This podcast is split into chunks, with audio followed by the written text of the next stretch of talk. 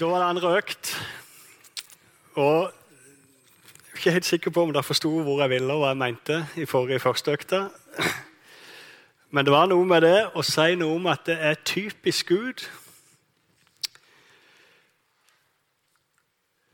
å åpenbare seg og komme i møte, vise seg, gi seg til kjenne, komme oss i møte og handle med oss og framstå for oss på måter som vi ikke forstår.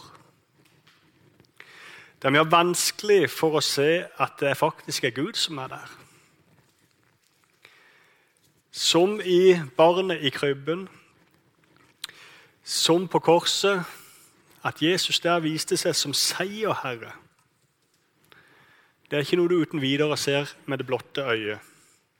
Snarere er det sånn at der framsto Jesus som heslig. Og så er det noen konsekvenser av det. At det er typisk Gud å åpenbare seg ved å skjule seg. Som jeg hadde lyst til å peke på. Det er mange konsekvenser. Jeg kunne holdt på i det vide og det breie. Men jeg skal bare snakke kort om tre konsekvenser. For det første litt om kristenlivet. Og I lys av det at det typisk Gud åpenbarer seg ved å skjule seg, så har jeg lyst til å si slapp av, senk skuldrene i ditt kristenliv. Jeg vet at det kan misforstås og det kan misbrukes, et sånt utsagn. Men jeg tror likevel det trengs å sies. Slapp av. Du skal få lov til å slappe av i forhold til dette jaget etter å se og erfare tydelige tegn og tydelige manifestasjoner på Guds herlighet, på Guds nærvær, hans godhet, hans storhet, hans kjærlighet osv. Det er fantastisk når det skjer. Ikke misforstå meg. Men det er typisk Gud å åpenbare seg ved å skjule seg. Derfor kan det bli fort slitsomt å stadig jakte på disse tydelige tegnene, manifestasjonene osv. Og så kan det fort få oss til å vende blikket bort fra der Gud sjøl har sagt at han er. For Gud har sagt at han er å finne noen plasser. Han har sagt at han er her. I dag, i kveld. Nå. Nå er Gud her. Det ser ikke nødvendigvis veldig herlig ut. Det ser ikke nødvendigvis veldig fantastisk ut. Verken fra deres perspektiv eller fra mitt perspektiv. Men Gud er her.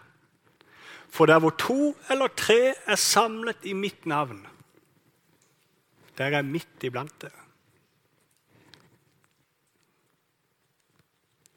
Som krybben og som korset kunne se heslig ut. Jeg skal ikke si at dere ser heslige ut. Men for noen utenfra kan dette se heslig ut. Det kan se fryktelig stusslig ut. Det kan se fryktelig kjedelig og stakkarslig ut. Men Gud er her, og det er typisk Gud.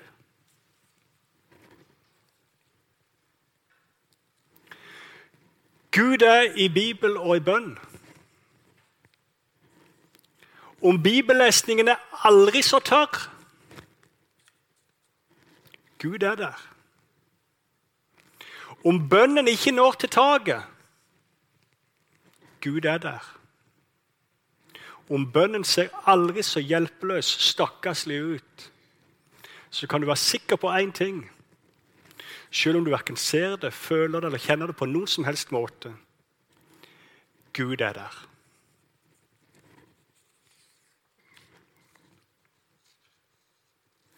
Og Det tar oss til neste punkt. For dette med at Gud åpenbarer seg ved å skjule seg, dette læren om Guds heslighet, det sier oss og lærer oss noe veldig viktig om et grunnleggende trekk ved troen og hva tro er. For det er typisk og karakteristisk for den kristne tro at det er en tro på tross av. På tross av det en ser og hører og kjenner og uh, lukter og alle sansene. Det er på tross av, og så er det på grunn av et ord. For som jeg sa, hvem hadde trodd at det var Gud som lå der, var til stede der, i krybba? Du kunne ikke se det. Du kunne ikke høre det, du kunne ikke føle det, du kunne ikke kjenne det. Men Guds ord sa det. Hvem skulle tro at det var seierherren som hang på korset? Du kunne ikke se det. Du kunne ikke høre det, føle det, kjenne det på noen som helst måte. Snarere tvert imot. Det så ganske heslig ut. Men Guds ord sier det. Troen er så ofte på tross av. Vi tror det ikke fordi vi ser det, erfarer det, opplever det. Alltid. Noen ganger gjør vi det også. Ikke misforstå. Men det er først og sist fordi Guds ord sier det. Og så er det så frustrerende over det. For vi vil så gjerne se det. Vi vil så gjerne ha håndfaste bevis. Vi vil så gjerne ha denne herlige Gud som demonstrerer makt, som demonstrerer kjærlighet tydelig og klart for oss. En imponerende Gud som vi kan selge videre til alle rundt oss med stolthet og frimodighet. Vi vil så gjerne ha disse håndfaste bevisene. Men så er det jo sånn at Thomas, tvileren som vi kjenner til, han er mer unntaket enn regelen i Bibelen. Han fikk lov til å kjenne på de naglemerka hendene. Han fikk på mange måter du kan si det til håndfaste beviset. Men han er snarere unntaket enn regelen i Bibelen. For når Hebreerne 11 nærmest definerer troen, så sier det sånn Troen som en pant på det vi håper overbevisning om det vi ikke ser. Overbevisning om det vi ikke ser. Søren Kjerkegaard han sa det, kalte det for å tro det er et vågesprang. Et vågesprang ut på 70 000 favners dyp. Og noen ganger så oppleves det vågespranget nesten uendelig. For noen ganger framstår Gud som totalt fraværende. Ja, enda til noen ganger som en fiende. Som det stikk motsatte av det jeg ønsker og lengter etter.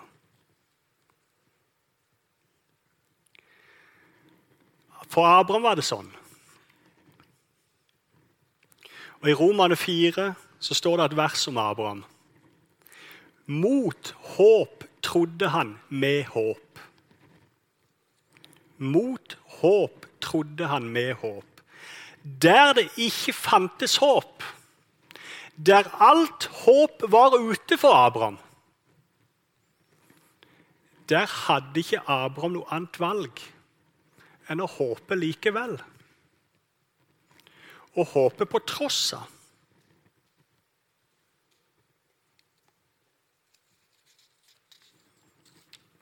Og Det tar oss til det siste punktet, og det som nok var Luther sitt kjernepunkt. vi skal vende oss tilbake til Luther. Fordi, fordi at fordi troen er en tro på tross av, og utelukkende forankra i si, den tillit til et forankra i et ord, så er det mulig å tro at jeg er et Guds barn. at det er et Guds barn, elska av universets herre, himmelens og jordens skaper. For når jeg ser meg i speilet om kvelden, så må jeg innrømme at det er vanskelig for å få øye på et Guds barn. Noen ganger kanskje. Hvis jeg har kjent og fått sett et eller annet, så kan jeg være herlig frelst. Så kan jeg kanskje få et glimt av et Guds barn. Men veldig ofte er det sånn, iallfall i mitt liv, at det er vanskelig for å få øye på et Guds barn. For da ser jeg ikke bare et offer for synd, som uheldigvis har kommet til kort i forhold til et eller annet ideal. Nei, når jeg ser meg i speilet, så må jeg innrømme det at jeg ser en som har synda imot Herren og mot min neste. Ofte med viten og vilje, både i tanker, ord og gjerninger og kjenner lysten til det onde i mitt hjerte. Og det er jeg som gjør det. Det er jeg som er forbryteren. Det er jeg som er opprøreren. Men da Da tar jeg likevel det vågespranget ut på 70 000 favners dyp, innenfor Gud så bekjenner jeg min synd. Og så ber jeg om tilgivelse. Og så tror jeg evangeliet. På tross av det jeg ser i speilet. Evangeliet om at Gud er Han som tilgir forbryteren og opprøreren. Men for å tørre å ta det vågespranget inn for Gud så må jeg gjøre sånn som jeg gjorde mer når jeg var mindre. For da skulle du ta mange vågesprang. Du skulle hoppe fra så og så høyt i vannet. Du skulle hoppe på ei skibakke, nye, litt større bakke, litt større hopp. Du skulle stadig ta nye vågesprang. Da måtte jeg ofte snakke til meg sjøl. Og det må jeg nå òg. Når jeg skal ta vågesprang innenfor Gud, så må jeg snakke til meg sjøl. Men ikke da, sånn som jeg gjorde før da jeg var liten. Si 'kom igjen'. Kom igjen, Håkon. Dette klarer du. Det er ikke så ille. Du klarer dette. Det er bare litt høyere enn sist gang. Nei, det er nå må forkynne. Det er nå må si til meg sjøl. Det er å hente fram noen nøkkelvers i Bibelen som vi som jeg vet klarer å vise med evangeliet. Og De siste par årene for jeg er sånn, jeg får et vers over flere år som jeg må holde til over flere år. Jeg får ikke et nytt vers i uka. Men De siste par årene så er det særlig ett uttrykk som jeg har klungt meg fast til og holdt fast med. Gud elsket oss først. Det står i 1. Johannes eh, brev. Det står jo det at vi elsker fordi han elsket oss først. Men det er dette uttrykket om at han elsket oss først. Hva ligger der egentlig i det? For når vi tenker på Guds kjærlighet, så tenker vi veldig ofte ut ifra oss sjøl og vår kjærlighet. Så tenker en kanskje sånn som en har i forhold til kona mi. Er gift, har ei kone. Og så er det jo sånn med min kjærlighet til kona mi. Den er sånn at den har, den har sin forankring i henne. Det er på grunn av henne at jeg elsker henne. På grunn av ting hun gjør, ting hun sier, på grunn av hvem hun er. Og på grunn av hvordan hun ser ut. Hun lagt til mange ting. I møte med henne så vekker hun min kjærlighet. Så min kjærlighet er en respons på hvem hun er. Jeg kan ikke annet enn å bli glad i henne og elsker henne. Fordi hun er så fantastisk. Så tenker vi fort sånn i møte med Gud også. At Guds kjærlighet er en respons på hvem jeg er, på hva jeg har gjort og på hva jeg har sagt. At Guds kjærlighet til meg er forankra i meg. Men han er ikke det. Gud elsket først. Den er ikke noen respons på noe som helst. Gud elsker fordi han elsker. Gud elska meg lenge før jeg var. Guds kjærlighet til meg er forankra i Han sjøl, fordi Han er kjærlighet. Det forkynner jeg for meg sjøl. Gud elsker meg for Jesus sjøl. Og den kjærligheten er forankra hos Gud sjøl. Og så våger han det, det vågespranget inn for Gud og bekjenne sin synd. Og be om tilgivelse. Og så kan jeg stå i speilet, og så kan jeg tro på tross av. Der i speilet er det et Guds barn.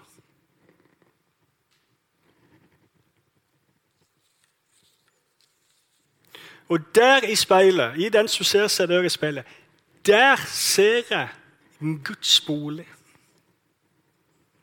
Gud bor i det mennesket. Noen ganger er det fryktelig skjult at han bor der. Men det er ikke så overraskende. For det er typisk Gud å ta bolig og framstå i det skjulte så kan det høres stusslig ut og så kan det høres provoserende ut, dette med at Gud er en heslig Gud. En Gud som åpenbarer seg ved å skjule seg. Men evangeliet er skjult der til stede. For det lærer oss noe om troen. Det lærer oss noe om kristenlivet. Og ikke minst, det lærer oss å se rett på oss sjøl.